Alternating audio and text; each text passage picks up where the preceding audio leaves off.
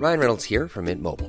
With the price of just about everything going up during inflation, we thought we'd bring our prices down. So to help us, we brought in a reverse auctioneer, which is apparently a thing. Mint Mobile unlimited premium wireless. Ready to get 30, 30, bit to get 30, bit to get 20, 20, 20, bit to get 20, 20, bit to get 15, 15, 15, 15 just 15 bucks a month. So, Give it a try at mintmobile.com slash switch. $45 upfront for three months plus taxes and fees. Promo rate for new customers for limited time. Unlimited more than 40 gigabytes per month. Slows. Full terms at mintmobile.com.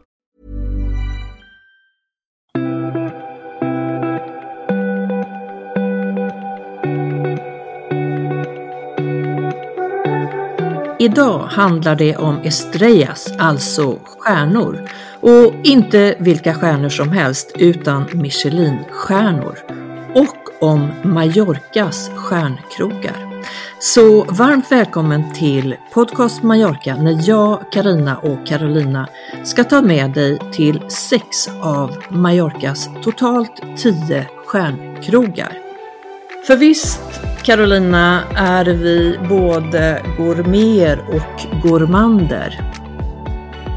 Ja, det tycker jag. Det är vi nog. Eh, kanske framförallt eh, gourmander skulle jag säga. Ja, och du, det, det är ju så att dagens avsnitt kommer inte då att handla så mycket om gourmander, kanske ingenting utan gourmeter. Och vad är då skillnaden undrade vi lite grann och jag tror många av er där ute. Då ska jag förklara för er att en gourmand det är en person som älskar att äta och uppskattar alla typer av mat. Den här personen njuter av enkel mat såsom från streetfoodställen till lokala matmarknader. Den här personen kan också vara intresserad av matlagning och experimentera med olika recept där hemma. Men vad är då skillnaden till en gourmet? Jo, gourmeten är mer fokuserad på fin mat, exklusiv mat och föredrar att besöka lyxrestauranger och prova det nya och unika. Ja, ni förstår, det är ju lite skillnad och den här eh, gourmeten då som gillar att lämna kanske matlagningen till de, till proffsen. Proffsiga kockar runt om i världen och de tar sig gärna runt om i världen. Så här läser jag i alla fall på Wikipedia att det är skillnader, men det sägs också att på franskan är begreppen gourmet och gourmand relativt överlappade i betydelsen, så ni får väl ta vad ni vill och använda dem hur ni vill. Det är inte det som är det viktiga, utan det viktiga är att ni ska få tips av oss idag om, jag sa, sex av Mallorcas totalt tio stjärnkrogar som finns i dagens Mallorca. Och då handlar det om att vi ska ta oss utanför Palmaområdet i nästa avsnitt så kommer ni att eh, träffa oss inne i Palma för där har vi ytterligare fyra stjärnkrogar. Jag vet att du Carolina sitter på lite information. Ja, det kan jag nog dra lite grann skulle jag tro. Eh, det vi pratar om idag blir ju, som du säger, gourmettraditionen här på Mallorca. Framförallt Mallorca, men jag tänkte se vad jag kan berätta om traditionen i Spanien, som ju influerar kockarna här på Mallorca. Och eh, jag har levt faktiskt ett ganska eh, intressant och underbart faktiskt gourmetliv med min eh, exman Måns Kallentoft. Eh, han har skrivit väldigt mycket om, eh, om restauranger, på, framförallt på 90-talet i tidningen Gourmet. Vi har rest runt tillsammans väldigt, väldigt mycket och ätit. Och det har blivit, jag tror verkligen hundratals eh, stjärnor för mig. Det var fantastiska år. Och där vi började och där vi alltid har hållit oss till, det är ju Spanien. Det spanska köket, eh, och det växte fram faktiskt, gourmetköket i Spanien, i San Sebastian, dit vi åkte. Och det var på 90-talet, just när vi började vår resa, när vi började resa utomlands och äta oss runt i Spanien och så småningom övriga världen. San Sebastian är ju en helt fantastisk eh, miljö om man ser till mat. För de har ju Atlanten, väldigt mycket fisk och skaldjur och väldigt bra kvalitet på det. De har bergen, skogarna, de har mycket viltväxande svamp och annat. De har odlingslandskap. De har eh, betande djur. De har verkligen liksom alla de mest fantastiska råvarorna. De har också närheten till Frankrike, det franska köket som ju har varit det traditionella Alta Cucina, så att säga högtstående köket under alla år. De har också en speciell tradition av att eh, laga mat tillsammans och särskilt männen. De har liksom eh, samlats i källare i matlagningsklubbar under alltså väldigt lång tid. Det är, en, det är en väldigt stark tradition och många av de här trestjärniga restaurangerna som växte fram då under 90-talet i eh, San Sebastian, det är ju manliga kockar. Eh, överhuvudtaget runt världen så är det ju få kvinnliga kockar med många stjärnor. Vilken tur att jag kommer att nämna en sen. Ja, vad bra. Jag tänkte jag ska nämna en just nu också. Det är Elena Arsak. Och hon har en eh, restaurang i San Sebastian, men hon tog över den av sin far, Juan Maria Arsak. Det var han som fick de tre stjärnorna. Men det är ganska stort att klara av att behålla dem när, det, när ägarskapet går från far till dotter eller, eller över generationerna. Så att hon är ju eh, verkligen fantastisk och väldigt hängiven. Och vi känner ju faktiskt henne, vi har lärt känna henne och Jean-Marie genom åren. Men det är min första erfarenhet, att gå på Arsak, jag var 20 år. Och det som mötte oss där, då tror jag inte det var tre stjärnor. Då, det var 1991. Eller så hade de precis fått det. Men det var en helt enorm smakupplevelse. För att det han gjorde och det som, som görs på gourmetrestaurangerna, det är ju att ta de bästa råvarorna från olika håll och kombinera dem i helt nya smakkombinationer som ingen, ingen annan har smakat förut. Och eh, det handlar om tillagning, det handlar om textur, det handlar om till vilken nivå man kokar någonting, om det är halvrått, halvkokt till exempel. Det handlar om eh, färger förstås, former på tallriken, dofter, eh, hur det läggs upp. Det är, det är så otroligt mycket en kock jobbar med. Och det vi har sett på senare år, eller kanske under ganska lång tid, är de här små pluttiga sakerna som läggs till. En liten klick av någonting och sen en liten, liten bit av någon ört i den klicken. Och det är väldigt färgstarkt och så. Och det intressanta är ju att eh, på de här stjärnrestaurangerna så jobbar ju ett stort antal kockar helt enkelt. Många gör det helt gratis för att de ser det som en praktik med en dröm om att öppna egen restaurang i samma anda. Och det är väldigt lätt att få gratis arbetskraft på de här stjärnrestaurangerna. För att det är så många som bara drömmer om att jobba på de här restaurangerna. Och då kan en kock vara ansvarig bara för att pluppa ut de här små plupparna och lägga i den lilla, lilla, lilla örten i den pluppen. Och så är de andra kockarna ansvariga för andra delar. Så att eh, det är ett väldigt specialiserat eh, jobb, men eh, som kock får man ju ändå inblick i vad alla andra gör. Så att det är en, det är en bra skola helt enkelt. Men Carolina, det här, alltså det är ju inte bara, här, här pratar vi ju eh, inte bara mat och uppläggning utan här pratar vi konst och ja. kreativitet och utmaningar utöver det vanliga. Mm. Det här kallar vi det machomatlagning. Ja, kanske. Men det är också, spanjorerna har ju väldigt mycket känsla i sig. Så att när man läser också mycket om de här restaurangerna på Mallorca som, som vi ska berätta om idag, att det verkar vara mycket att berätta en historia, det handlar om matminnen, eh, det handlar om att eh, hämta inspiration från sin barndoms upplevelser, om Mallorca, väldigt mycket att föra vidare en, en mattradition som finns här och förfina den, och experimentera och, med de smakerna och de råvarorna som används här. Ja, det är väldigt mycket som eh, influerar och ska man nå en och två, tre stjärnor så krävs det att man håller en väldigt hög nivå på alla plan. Så är det absolut. Mm. Ja. Men då, mm. om man då flyttar sig till, till Mallorca? Precis, det är väl dags nu. Ja, men det finns ju mycket med, det här i, i, hela Spanien och eh, San Sebastian, där kanske det, det började. Eh, och där det finns många du nämner eh, några krogar där. Eh, men Mallorca är inte tokigt det heller. Nej, verkligen inte. Men det har kommit ganska nyligen. Eh, och det har ju kommit med turistvågen, givetvis. Det jag har lagt märke till nu när jag har tittat på det, att det är faktiskt ganska många hotell som har stjärnrestauranger. Och det är ju ett sätt att locka till sig gäster och att lyfta hotellet till, till ytterligare nivå. att eh, liksom få en stjärnkock att flytta in i deras restaurang och erbjuda allt man bara kan då som hotell. Eh, så att den här kocken verkligen kan blomma ut och få förutsättningar för att eh, få stjärnor i Michelin, som ju är extremt eftertraktat. Man kanske får gästerna också. Mm.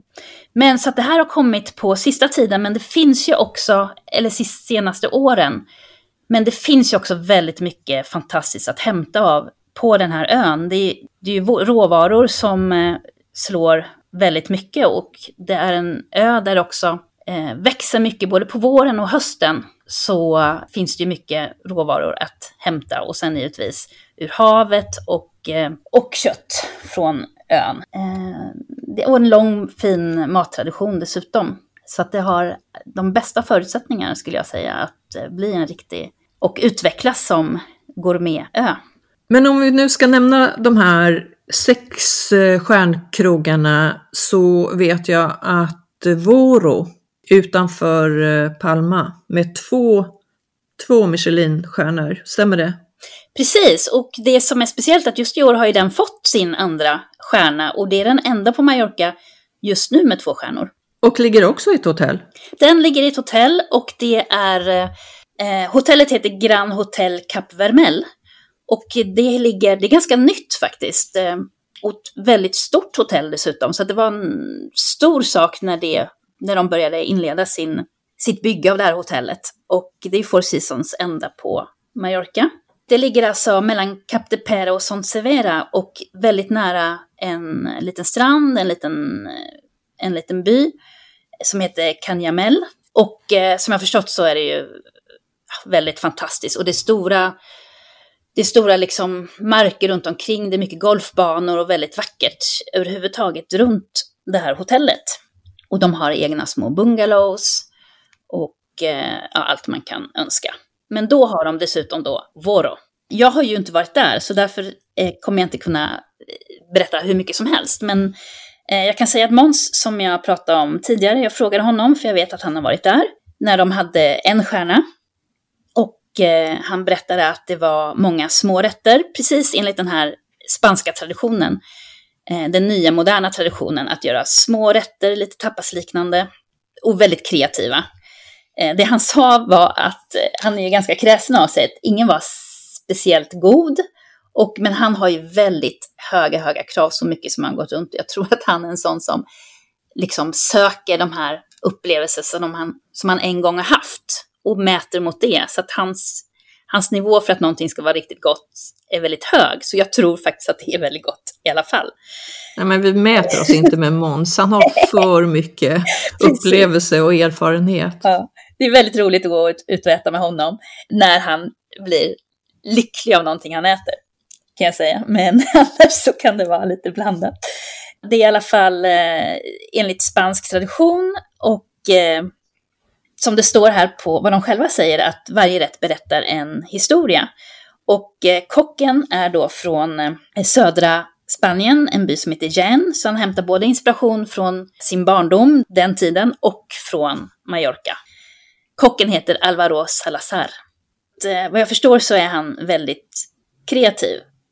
Det jag glömde berätta om innan, och det jag kan tänka mig att han har lite inspiration från, det är en restaurang som heter El Bulli som inte finns längre, men eh, den hade tre stjärnor under väldigt många år, ända tills eh, kocken stängde den helt enkelt. Det var tyvärr sjukdom och sådant som drabbade ledarna i den restaurangen, men den höll en otrolig nivå och framförallt så var det ett väldigt experimentellt kök som inte hade förekommit tidigare någonstans i hela världen. Så de var först med att ha ett riktigt stort laboratorium i stort sett istället för kök med 40 kockar.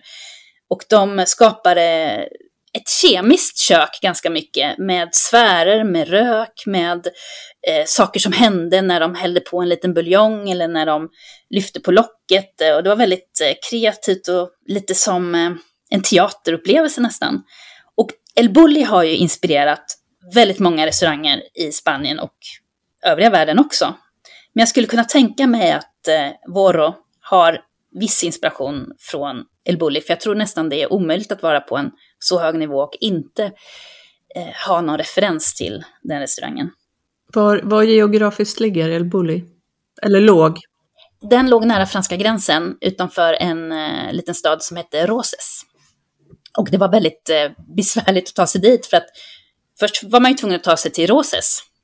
Och sen så när man väl skulle på restaurangen på El Bulli så fick man ta en taxi på extremt slingriga vägar ute på landsbygden. Och sen låg den väldigt vackert, det var en traditionell inredd och vacker restaurang vid, eh, vid en strand. Eh, men med det här otroligt eh, hypermoderna laboratoriet till kök. Det var en otrolig upplevelse, verkligen, att gå på den. Men du, på, på Voro så finns det två moderna kreativa avsmakningsmenyer, om jag har förstått det hela rätt. Precis, och jag kan ju inte säga så mycket om var och en av dem. Men en heter Voro och en heter Devoro. Och eh, ja, restauranger på den här nivån har ju avsmakningsmenyer, ofta flera olika. Och eh, framförallt så är det ju väldigt eh, mycket detaljer och väldigt mycket att de ska berätta en historia. Och eh, jag kan tänka mig att de har eh, kanske olika prisnivåer för att, eh, så att man ska kunna välja lite grann. Och bor man på hotell, som, som i många av deras gäster gör, de bor ju på det här hotellet, de vill ju också kunna välja, kan jag tänka mig. Och kunna gå dit fler än en gång. Dina erfarenheter Carolina är ju lite utöver mina. Alltså jag har ju varit på några stjärnkrogar runt om i världen, några i Stockholm och eh, på andra platser. Eh, och det är alltid intressant. Sen kan jag inte tycka att jag älskar varenda rätt som oftast det är 12 rätter och så vidare. Men på en krog på Mallorca där jag har varit, som jag inte visste att den hade en stjärna. Jag råkade bara se en skylt som vette mot havet. Berget eller bergskedjan bakom, eh, i en liten kurva så kom vi ner till en restaurang som heter då Ben Saval. Vet du var jag hamnar då? Precis, för jag har faktiskt också varit det, även om det var väldigt länge sedan. Och eh, det jag minns särskilt från den, förutom att det var god mat, det var ju den här otroliga utsikten. Oj, ja det är helt, helt fantastiskt. Alltså Bensaval ligger mellan Deja och Sojer, man kan väl säga fyra kilometer cirka från Sojer. Och det är en familjedriven restaurang som, som ju många på Mallorca är i över 40 år. Och Eh, där har vi en pappa och en son som framförallt driver den här restaurangen. Eh, och där man har eh, sin fru och mamma med som ansvarar för restaurangdelen och i, eh, ja, serverar och så vidare. Och här erbjuds det bland annat majorkinska rätter eller kanske, kanske framförallt majorkinska rätter. När vi kom dit så var det lunch och det är ju inte alla av de här stjärnkrogarna som har öppet vid lunch men, men det har den här krogen. Och de, de sa så roligt eller härligt att all you need is love, food and wine. Det var härligt. Mm. Ja, det är jättehärligt och då skulle jag vilja tillägga den här alltså, fantastiska, romantiska, unika plats som det ändå är. Du har berget bakom dig, du blickar, du kommer upp en liten bit över havet, du blickar ut över havet. Ja, helt fantastiskt. Mm. Så att man blir ju bara kär av att vara där. Och så dessa människor, den här familjen som är underbar. En helt fantastiskt god lunch åt vi. Mm. Och vi vet, eller fick reda på då, att eh, de odlar mycket själva i sina fruktträdgårdar och sina trädgårdar och använder då, blir otroligt eh, lokala råvaror, eller hur? Mm, mm. Ja, jag läste om det också, att de har sin egen fruktträdgård och de försöker stötta ja, odlare runt omkring. Och det finns ju, numera har ju Guy Michelin eh, en grön stjärna som handlar om hållbarhet och eh, jag skulle inte bli förvånad om de kommer få en grön stjärna så småningom. Jag tror att de har två faktiskt, om jag inte... Aha. Ja, jag tror det. Jag ska inte vara hundra på det, men, eh, mm. eller svära på det, men jag tror att det är så. Ja. För att det är mycket, mm, mycket grönt är det. Och de vill ju också, alltså inte bara stödja de här lokala producenterna utan använda eget och försvara den biologiska mångfalden. Mm. Mm. Fantastiskt. Alltså det här är väl generositet Mm. av på Jord kan Mm. jag tycka. Jag minns från när jag var där, det var just att det här var verkligen gourmetrestaurang Eh, som hade god mat. Rätterna var verkligen riktigt goda, från förrätter till varmrätter till efterrätter. Och det är inte självklart på alla restauranger faktiskt på den nivån, för en del är ju bara ute efter att experimentera och vara liksom i framkanten av, av det mest kreativa. Men här, som jag minns på Benstavall, så var det ju verkligen riktigt, riktigt god mat. Det var riktigt god mat. Vi käkade ju inte en avsmakningsmeny till lunch eh, utan det var någon à la carte eh, som var fantastiskt god. Eh, jag tror att vi tog någon kött till förrätt och fisk eh, till eh, varmrätt huvudrätt. Mm. Eh, och eh, ja, vädret var fantastiskt. Jag eh, har bilder därifrån. Jag kommer att lägga ut dem på Instagram. Bra idé. Ja, jag åt på kvällen och då ser man ju solnedgången och den är ju precis utanför. Den delen av Tramontana har ju solnedgången eh, framför sig och dessutom så ligger den helt avskilt. Det, det ligger inte i någon by eller så utan den ligger verkligen omgiven av, av dramatisk natur. Så att det är en helt unikt underbar plats. Och jag skulle också säga Eh, som, precis som du sa, så många restauranger är ju familjerestauranger på Mallorca. Men restauranger på den här höga nivån med stjärna, där tror jag det är ovanligt. För att det är, som jag sa innan, det är många hotell eh, som bjuder in en kock för att skapa en restaurang som ska liksom anstränga sig för att få en stjärna. Eh, men i det här fallet är det ju en familjerestaurang som har funnits i över 40 år. Och det är ganska unikt, att det är sån hög nivå på det. Det är, det är, ja, det är en riktigt bra restaurang. In the middle of nowhere. Mm. är den faktiskt lite. Om man hamnar där i, i kurvan eh, mellan Deja och, och Sawyer och eh, så ser man skylten. Och det är en liten smal slingrig väg som man undrar ett tag, eh, okej, finns det någon restaurang här? Men oftast på de platser där man minst anar det, där ligger de bästa. Eh, Jag kan rekommendera den här restaurangen. Men en annan som jag har varit på, som jag vet även du har besökt Carolina, Mm. det är eh, André Genestra, säger man så? André Genestra tror jag man säger. Genestra, ja. Ja, där har vi båda varit. Jag har bott eh, några nätter på det hotellet, för det här är ju återigen ett, en stjärnrestaurang som ligger på ett hotell. Och den ligger ganska nära Four Seasons, lite längre norrut och lite längre inåt landet. Eh, det är eh, promenadavstånd eller cykelavstånd till Kap Tebera och eh, Kalla Cala Mesquida. Och jag minns att vi både en dag så promenerade vi, en annan dag så cyklade vi. Men André Genestra, han är marockin, han är från ön. Så han har ju verkligen mattraditionen från Mallorca och är väldigt mån om den och vill lyfta fram den.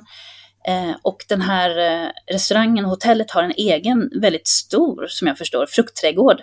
Så eh, han hämtar väldigt mycket därifrån. Och den här restaurangen har fått en grön stjärna, så de har dels en stjärna som betyder värt ett stopp och en grön stjärna som betyder hållbarhet.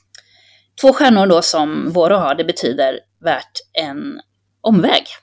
Eh, Men värt ett stopp säger vi här och det kan jag definitivt säga. Absolut. Här kommer jag faktiskt ihåg en rätt. Eh, det, det var ju ett tag sedan nu, men eh, det var en variant av paella. Eh, vissa är ju experimentella, vissa är båda och. Och det André Genestra gör är att han ganska mycket utgår ifrån traditionella rätter, som paellan i det här fallet. Eh, paella är ju, den skapades runt Valencia, det är där riset odlas eh, i Spanien. Men Mallorca ligger ju nära Valencia om man ser till eh, ja, fågelvägen. Så, så att eh, det är en del av det katalanska. Så paellan har en väldigt stark eh, plats på Mallorca, även om det inte odlas något ris här.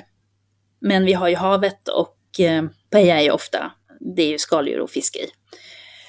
Eh, och han gjorde en fantastisk eh, paella som smakade bättre än någon jag någonsin smakat. Och han serverade på ett nytt sätt.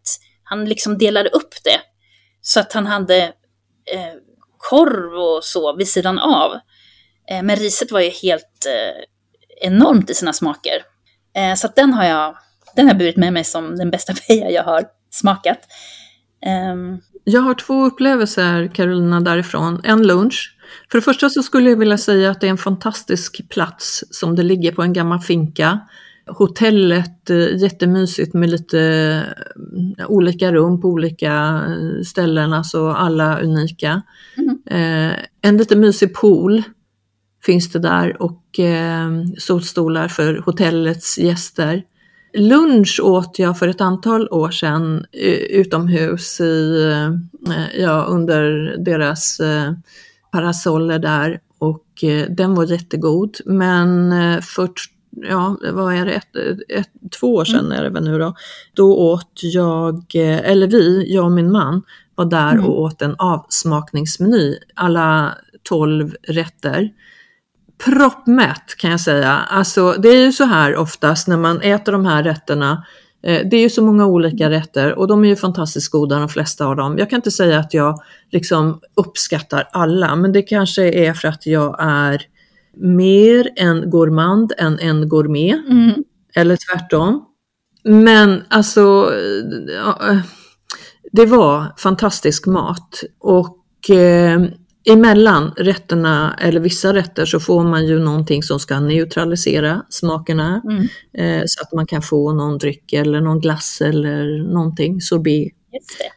Men vi började med att eh, den här avsmakningsmeny på kvällen så satt vi ute på deras gård och de hade satt ut en, en, en eh, liten bar långt ut. Man fick eh, börja med champagne och någon liten god grej på, på någon sked. Så man började även där ute. Man kände sig som man satt ute i ja, nere i, utanför Tanzania någonstans ute på savann och stepp. Kändes Oj, lite, ja, väl, verkligen. Och så flyttade man in till restaurangen som var eh, terrass kan man säga. Man mm. satt inne fast ute. Jättegoda 12 rätter. Jag kan verkligen rekommendera det. Så både lunch och en middag har vi, har vi fått eh, nöjet att eh, avnjuta. Ja, det här med långa avsmaktningsmenyer. Oftast är det ju så att det är många små rätter i början och då kan man stoppa i sig allting och det är olika smaker och man njuter och man tycker det är häftigt och allting. Och sen så kommer ju varmrätten när man har, först så kommer fiskrätten kan det vara som brukar vara ganska stor och då börjar man bli riktigt mätt. Men sen kommer varmrätten och då är det nästan omöjligt ibland att få i sig den.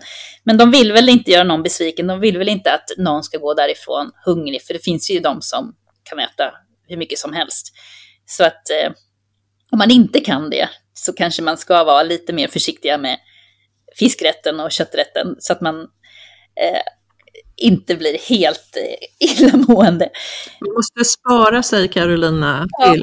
Ja, man måste spara sig, fast man säger ju att det finns liksom en extra mage till den där desserten, till efterrätten, så jag vet inte om man måste spara sig. Men, men jag tycker ja. det, även om, om det är relativt små rätter och goda rätter, så eh, ja, man kanske man får, man får hålla koll på vilket nummer man är inne på, rätt nummer 6, 7, 8. Ska jag orka de andra? Ta lite mindre. Ja, fantastiskt. Och kombinationen av, de har, de har ju superkoll på vilka viner och man kan ju på alla de här köpa till vin, eh, dryckespaket mm. eh, om man så önskar. Eller om man vill ha någonting annat.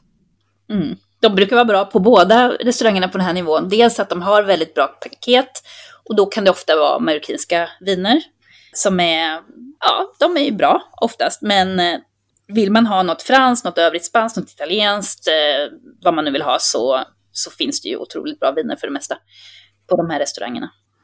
Ja, men alltså som den eh, gourmand jag är så gillar jag ju det här lokala många gånger så jag kan tycka att eh, majorkinska viner, det, jag tycker de är jättebra. Ja, och det är väldigt kul att, att, testa för att det är ju, på de här restaurangerna, de kan ju vilka som är bra. De tar ju inte in eh, normalvinen, utan de, de tar in de bästa. Mm. Och då blir det gott. Nu går vi vidare. Du ska presentera en restaurang som heter Maca de Castro. Ja, vi ska flytta oss eh, till Alcudia-området, eller eh, ja, precis i Alcudia kan man väl säga, där eh, Maca de Castro håller till. Och här säger man ju att det här har man sin egen stil och det tror jag väl att alla skulle säga som har den här typen av krog, ja. stjärnkrogar. Eller hur? Det tror jag. Eh, Maca de Castro är ju en, vi pratade om att det inte är så ofta kvinnor Aha. som är kockar. Och här har vi en kvinnlig chef. Vad intressant. Ja. Mm. Det här bygger ju, köket bygger mycket på vad ska man säga, forskning, utveckling, tradition. Det är väl ofta så, eller hur? Mm. Och att eh, man har ju då att det härstammar till eh, familjen, har nära band till gastronomins värld. Mm. Men jag vet att den här kvinnan har ju eh, varit samarbetat med många av de topprankade kockarna runt om, kanske några av dem som, som du eh, nämnde, men har varit på lite olika platser i världen då. De Castro, nu inser jag att det är ju hennes namn. Det är hennes namn, exakt. Det jag också ser är att hon har jobbat hos Juan Maria Sacco, hans restaurang. Det stämmer. Det stämmer. Då finns den kopplingen. Många, många har träffat varandra i den här världen, eller hur? Den är nog inte så stor egentligen. Som jag sa, många kockar har ju börjat på de här restaurangerna som eh, blev stora under 90-talet och har öppnat egna restauranger. Så att influenserna finns där eh, hela tiden. Mm. Och eh, ständiga, ständig förändring är det väl för att man ska få med sig alla smaker och sen så vill man ju utvecklas också i det. Mm. Konkurrensen är ju helt annorlunda idag. Så att eh, det är ju ett stort jobb för, för kockarna att hela tiden utvecklas, hela tiden hitta de här nya rätterna, nya smakkombinationerna som eh, ingen annan har gjort. Ja men precis, men ibland så känns det, alltså här är amatören som uttalar sig nu, ibland så känns det som att de har hittat på något nytt bara för att de ska hitta på något nytt. De tycker säkert att det är gott själva. Men gourmanden Karina kan inte, som sagt, alltid uppskatta allt. Jag har inte provat den här restaurangen i Alcudia. Det blir eh, ett mål för mig eh, nu framöver, att eh, besöka hennes restaurang faktiskt. Mm. Jag har faktiskt eh, besökt en av hennes restauranger. Hon har ju flera. En lite enklare restaurang som är lite som en bistro ligger faktiskt i Palma. Som heter Andana. Och den är eh, ganska ny och inredd i ett av de gamla stationshusen in till eh, Plaza Hispania och eh, tågstationen som är en trappa ner och två trappor ner eh, under mark där. Och där ligger den. Eh, många av de här stationshusen, eh, jag vet inte om du minns det, en del är ju tomma och nedklottrade och jättefula. Men det här är helt nyrenoverat och där ligger den restaurangen. Och eh, de har fina små rätter där som jag har prövat. Jag minns det som att jag gick mest dit för att eh, ta någon drink och sådär med vänner. Men prövade några rätter. Och den har ju ingen stjärna utan det är ju, det är ju den här restaurangen i Alcudia som har stjärnan. Men eh, det är ju helt klart eh, bra nivå och intressant och fina kombinationer av smaker och så. Ja men verkligen. Eh, och en stjärna och en grön stjärna tror jag till och med att hon har.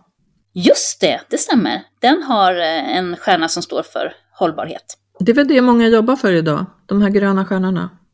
Mm. Det tycker jag är en bra, Kanske alla. en bra inspiration Mm. att Precis. jobba mot. Ja, verkligen.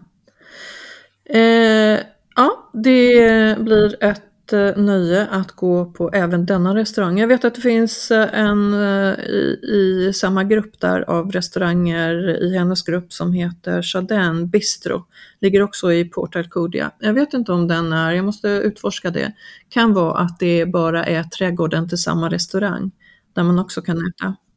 Jag tror faktiskt att det är två restauranger som ligger i samma, samma hus. Ja, Och att de delar trädgård med varandra. Mm. Och det jag har läst också är det här med gröna stjärnan. Jag funderar just på vad är det som gör att just den restaurangen har grön stjärna. Men det är för att eh, de satsar på faktiskt eh, forskning. Att katalogisera eh, råvarorna från Mallorca. Både vad som finns i litteraturen och vad som faktiskt finns. Och i, ja, och i historien. Och både från fiske, jordbruk, alla de fantastiska marknaderna som finns Eh, ja, de gastronomiska rötterna som, som Mallorca har. Och det är ju ganska nytt som jag sa innan det här med att Mallorca är en ö med många stjärnrestauranger. Så att eh, de som verkar här har ju ganska mycket att eh, upptäcka och utveckla på den här ön. Vad fint att man eh, journalför, säger jag som, som jobbar inom vården. Vi journalför allting. Ja, det låter jättebra faktiskt, för det måste ju någon göra och det kanske är första gången det görs här på Mallorca. Det kanske har gjorts på många andra platser, men på Mallorca är det ganska Mm. nytt kanske. De har dessutom en, faktiskt, jag vet inte hur, hur det kommer sig, men de har ju en restaurang i Tyskland i Düsseldorf. 20 Mm. grader Restobar heter den, eh, med både en restaurang och bistro. Mm. Alltså det är så många tyska turister här på Mallorca, Mm. så att eh, det finns väl en naturlig koppling. Ja, så kan det vara. Men du, den här restaurangen eller den här kvinnan har ju en rad utmärkelser så att eh, det blir, eh, blir kul att hälsa på i det köket också. Och vill man börja lite försiktigt så kan man ju börja med Andana eller med eh, Bistro El Jardin som då inte är stjärnrestauranger om man kanske ekonomiskt vill testa på lite lägre nivå. För jag kan tänka mig att Maca de Castro är lite dyrare än de andra två. Ja, för avsmakningsmenyerna, stjärnkrogarna är ju inte billiga. Det är inte det vi pratar om idag. Nej, tyvärr inte. När jag började, när jag var 20 år, då var det faktiskt möjligt även för en student, eller för två studenter, att lägga sina pengar på detta. Men det har ju förändrats väldigt mycket sedan dess. Ja, absolut. Du, vi pratade här om eh, andra krogar som tillhör samma koncern. Eh, vi var inne på, vad heter han nu då? Andrea Genestra, Genestra, Precis, André Genestra. Genestra. Tänk vad svårt det är för mig med de här. Ja. Eh, Och där vill jag ju säga att där finns det ju en restaurang inne i Palma också som heter Aromata.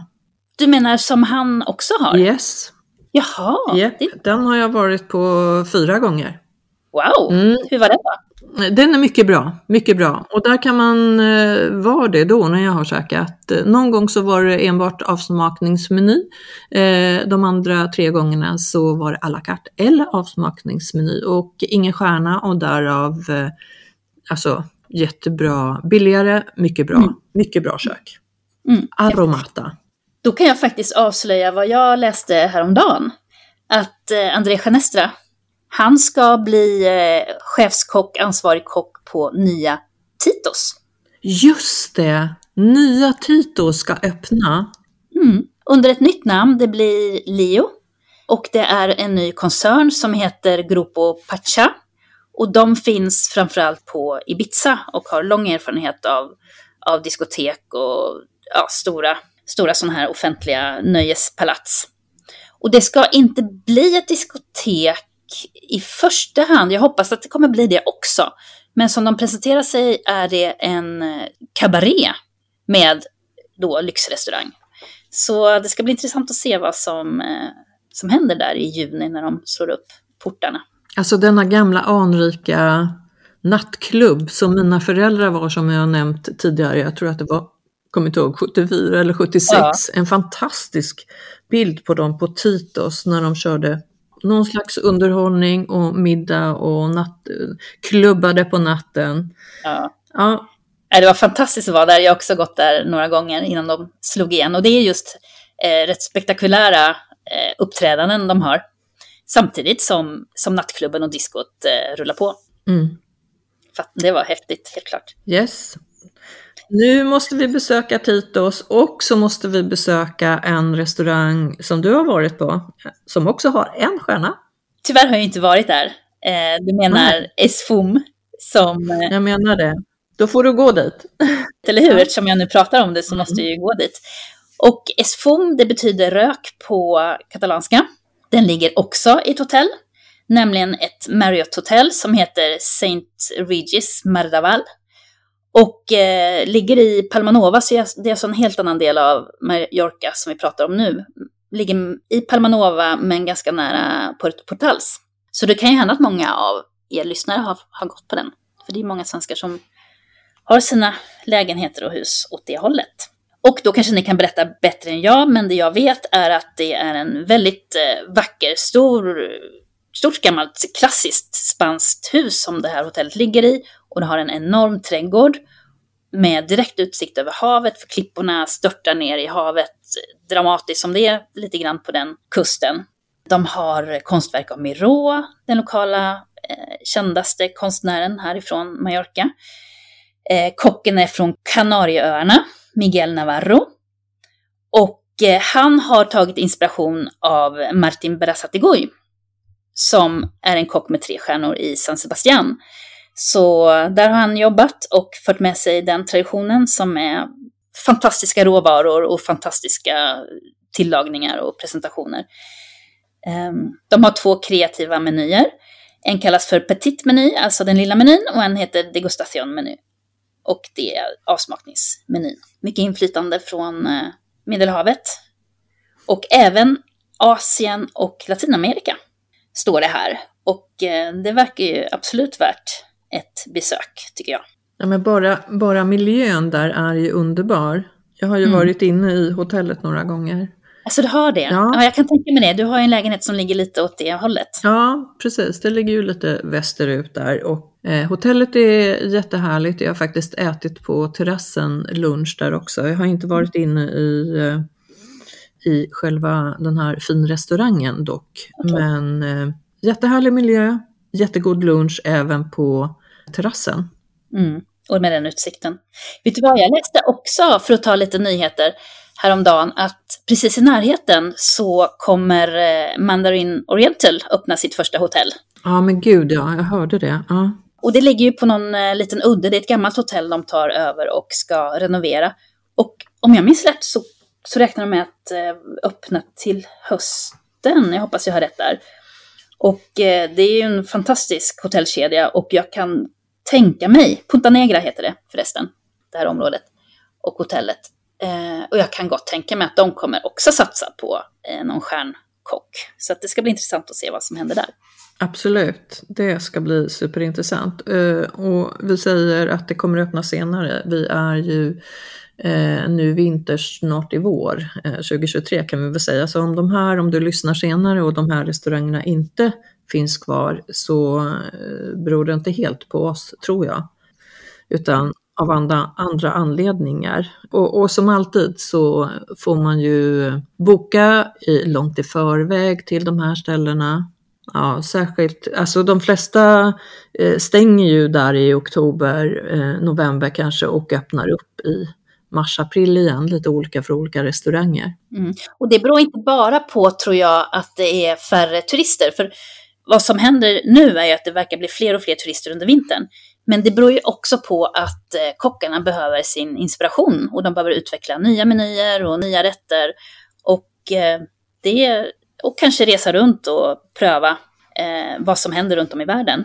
Så att det är inte bara för, att, bara för att det inte kommer turister, utan det har ju sin, sina skäl till att hela tiden förbättra och ligga i framkant. Ja, men du, alltså tänk dig, ska vi bli kockar så vi får resa runt i fyra, fem månader i världen för att lära oss mer. Ja, jag har faktiskt levt i livet och jag är nu, ja, nu kan jag tänka mig leva ett eh, gourmandliv istället för ett gourmetliv. Det passar mig väldigt bra. Ja, jag håller med. Men det är en häftig upplevelse att ha haft de åren, helt klart. Ja, men absolut, absolut. Du har en eh, restaurang kvar.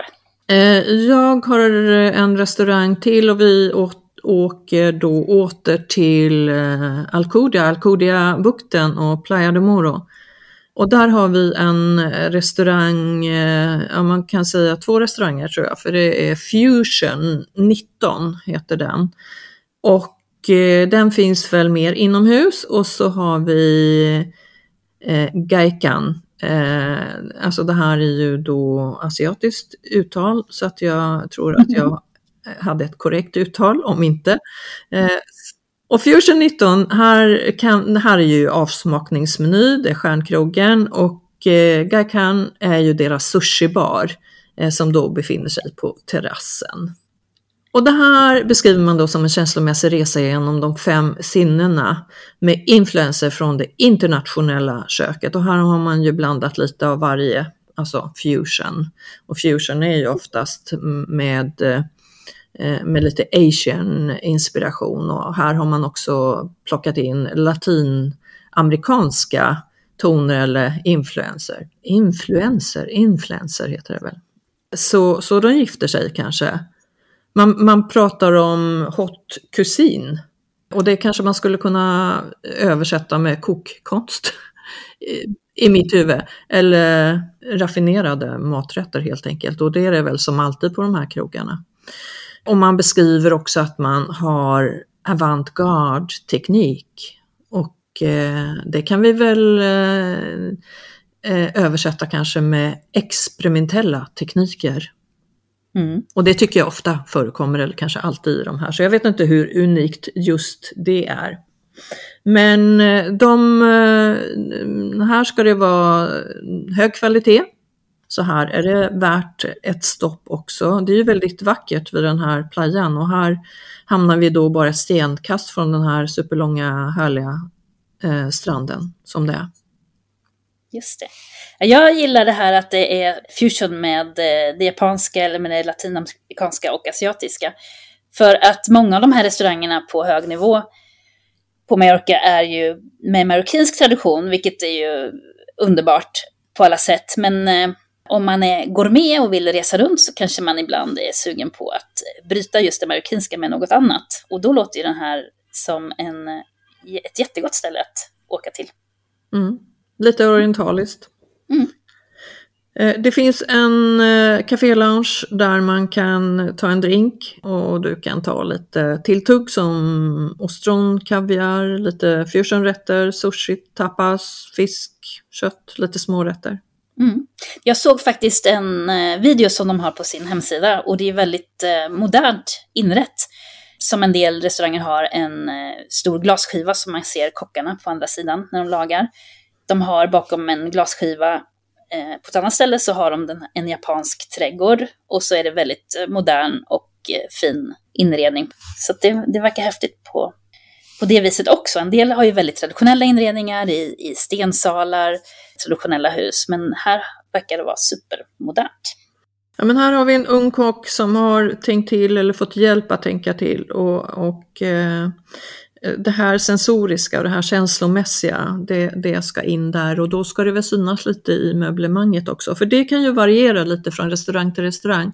Mm. Ibland är det ju extremt avskalat för att det är maten som ska synas och smaka och resten bör vara avskalat. Men jag tycker i, i de här miljöerna som vi har beskrivit så så har vi både och. Vi pratar om det här med alla fem sinnen, det är ju eh, det de pratar om mycket i det här Fusion 19. Mm. Men även i de andra. Jag som då eh, i min barnmorskegrund pratar om oxytocinet och alla sinnen och lugnet och så här. Mm. Jag tycker det här passar ju mig väldigt bra. Sen så finns det andra som tycker nej men det där avskalade eh, när det inte finns så mycket annat, kanske helst nere i eh, den där svartkrogen där man inte ser något utan bara smakar, passar dem bättre. Det här tycker jag är fantastiskt. Jag, jag älskar inredning, design, färger, former eh, i kombination med mat. Jag kanske skulle sagt mat först i kombination med miljön, för det är ju maten vi vill hylla och lyfta, eller hur? Ja, i alla fall i det här eh, avsnittet. Eller hur? Det är ju variationen som är häftig och vad som hänt sen jag började på 90-talet att pröva stjärnrestaurangen med min dåvarande man, det är ju att det har ju formligen exploderat den här turismen som åker runt och äter på stjärnrestauranger. Det finns ju folk som, alltså, och väldigt många människor som planerar sina resmål och sina, sina semestrar efter att äta på stjärnrestauranger och pröva en ny eller återvända till någon man har älskat. Så att eh, om man är en sådan så tror jag, och åker till Mallorca, så tror jag det här kan vara ett väldigt bra eh, alternativ att pröva just för att den verkar vara lite, lite speciell och lite, lite annorlunda och väldigt internationell. Det har vi pratat om tidigare Carolina, just den här mångfalden av, av eh, kök och restauranger som finns på Mallorca. När vissa tycker att eh, tapas och spansk mat bara liksom eh, är too much efter några Mm. dagar. Här har vi så många alternativ och jag vet inte hur många stjärnkrogar vi har i Sverige. Kanske 19. Jag vet inte vad det är i detta nu. De kommer ju och går. Ska vara lite osagt. Men här på ön just nu så har vi tio på denna lilla ö. Fantastiskt. Och dessutom alla andra bra restauranger förutom detta. Men du, den här, eh, de här två då, de kan man besöka i Alcudia och då är vi på väldigt norra delen av, eh, av Mallorca. Det sägs att, att det ska finnas en, eh, att det såklart finns tasting menu, alltså avsmakningsmenyer, men att de även har en barnmeny. Mm. Det var ju faktiskt fint för en eh, stjärnrestaurang. Ja, jag vet inte om man uppskattar att det är barn på restaurang. Jag vet att någon av de här som vi har nämnt, eh, tror jag, eh, är adults only. Faktiskt, bara för att eh, man vill inte ha barnskrik och så vidare. Ja, man Mm. bestämmer själv. Mm. Barn är ju olika åldrar, jag vet inte vad man menar med barn. Om det är upp till eh, 15 eller 18 och de kan ju uppföra sig eh, väldigt olika. Så att, eh, Ja, det var, ja, det var bra sagt. de uppför sig olika. som före detta småbarnsfamilj, min yngsta är just nu 17, så har jag känt att det varit väldigt härligt att kunna ta med barnen även på lyxrestaurang. Och de lär sig ju att sköta sig bra. Så att eh, jag gillar när barn är välkomna. Mm. Yes, det är olika. Ta reda på vad som gäller innan ni bokar helt enkelt. Ta reda på om den är öppen, för att eh, som eh, du sa innan Karina, många öppnar ju framåt kanske påsk och stänger ja, efter oktober. Så det, det bör man kolla Mm. upp också. Yes, jag ska gå och käka något lite enklare nu. Nu har vi pratat om de sex som ligger på Mallorca fast utanför Palma. Och vi har ju då fyra kvar att titta lite närmre på. Prova kanske någon av dem. Några har vi provat redan. De återkommer vi till Carolina, så vi är snart tillbaks. Ja. Det gör vi. Det känns jättekul tycker jag att prata om mat. Ja. Det gillar jag. Det gör jag också, fast vi är på lite olika nivåer där och det är väl det som gör det. Att vi är det. Och du där ute, man behöver faktiskt inte känna sig liksom obekväm att gå på de här krogarna. För oftast, man kan prata klädsel och så här, oftast så är det inte så att man behöver någon dresscode överhuvudtaget utan att man kan faktiskt komma in som man är. Det viktiga är att man avnjuter en, eh, en middag. En lång middag oftast. Inkluderar du flip-flop och badshorts i som Ah, du är? Okej. Jag kanske, ja, eh, kanske inte. Ja, men, men shorts är ju för det mesta välkommet. Ja, men googla, ta reda på vad som gäller just där. Men jag har eh, inte min erfarenhet som gourmand att det behövs, krävs någon jättespeciell klädsel. Eh, och många av av de som man ser på restaurangerna, de kanske inte är världsvana som din före detta man Måns Kallentoff som ju har Mm. varit eh, typ överallt, utan man kan gå hit för första gången. Man kanske har sparat pengar för att det är en upplevelse. Det blir helheten som en Precis. upplevelse. Och det hoppas vi att ni får där ute. Alltså gästfriheten och vänligheten i, i matsalen är ju väldigt viktig för de här eh, Eh, restaurangerna på den här nivån. Så det tycker jag också är en upplevelse. Den otroliga vänlighet och när kocken ofta kommer ut och pratar med, med alla borden och frågar om upplevelsen och är lite personlig. Det tycker jag är en stor del av upplevelsen. Absolut, absolut. Så den totala upplevelsen. Och den är vi tillbaks med om, eh, ja, vi vet inte riktigt när, men snart ska vi säga, eh, då vi besöker eller åtminstone presenterar stjärnkrogar i Palma. Carolina, ha det gott så länge och ät god mat. Definitivt. Och jag ska äta en omelett, det blir supergott det också. Ja. Ja, det blir bra. Ja, men ta väl hand om er där ute och eh, vi har fler avsnitt i Podcast Mallorca som ni kan lyssna till och ni kan också följa oss både på Facebook och Instagram med eh, samma namn Podcast Mallorca. Hörs och ses snart. Ha det gott. Hej då där ute. Hej då Carolina. Hej då, Karina och alla andra. Hej.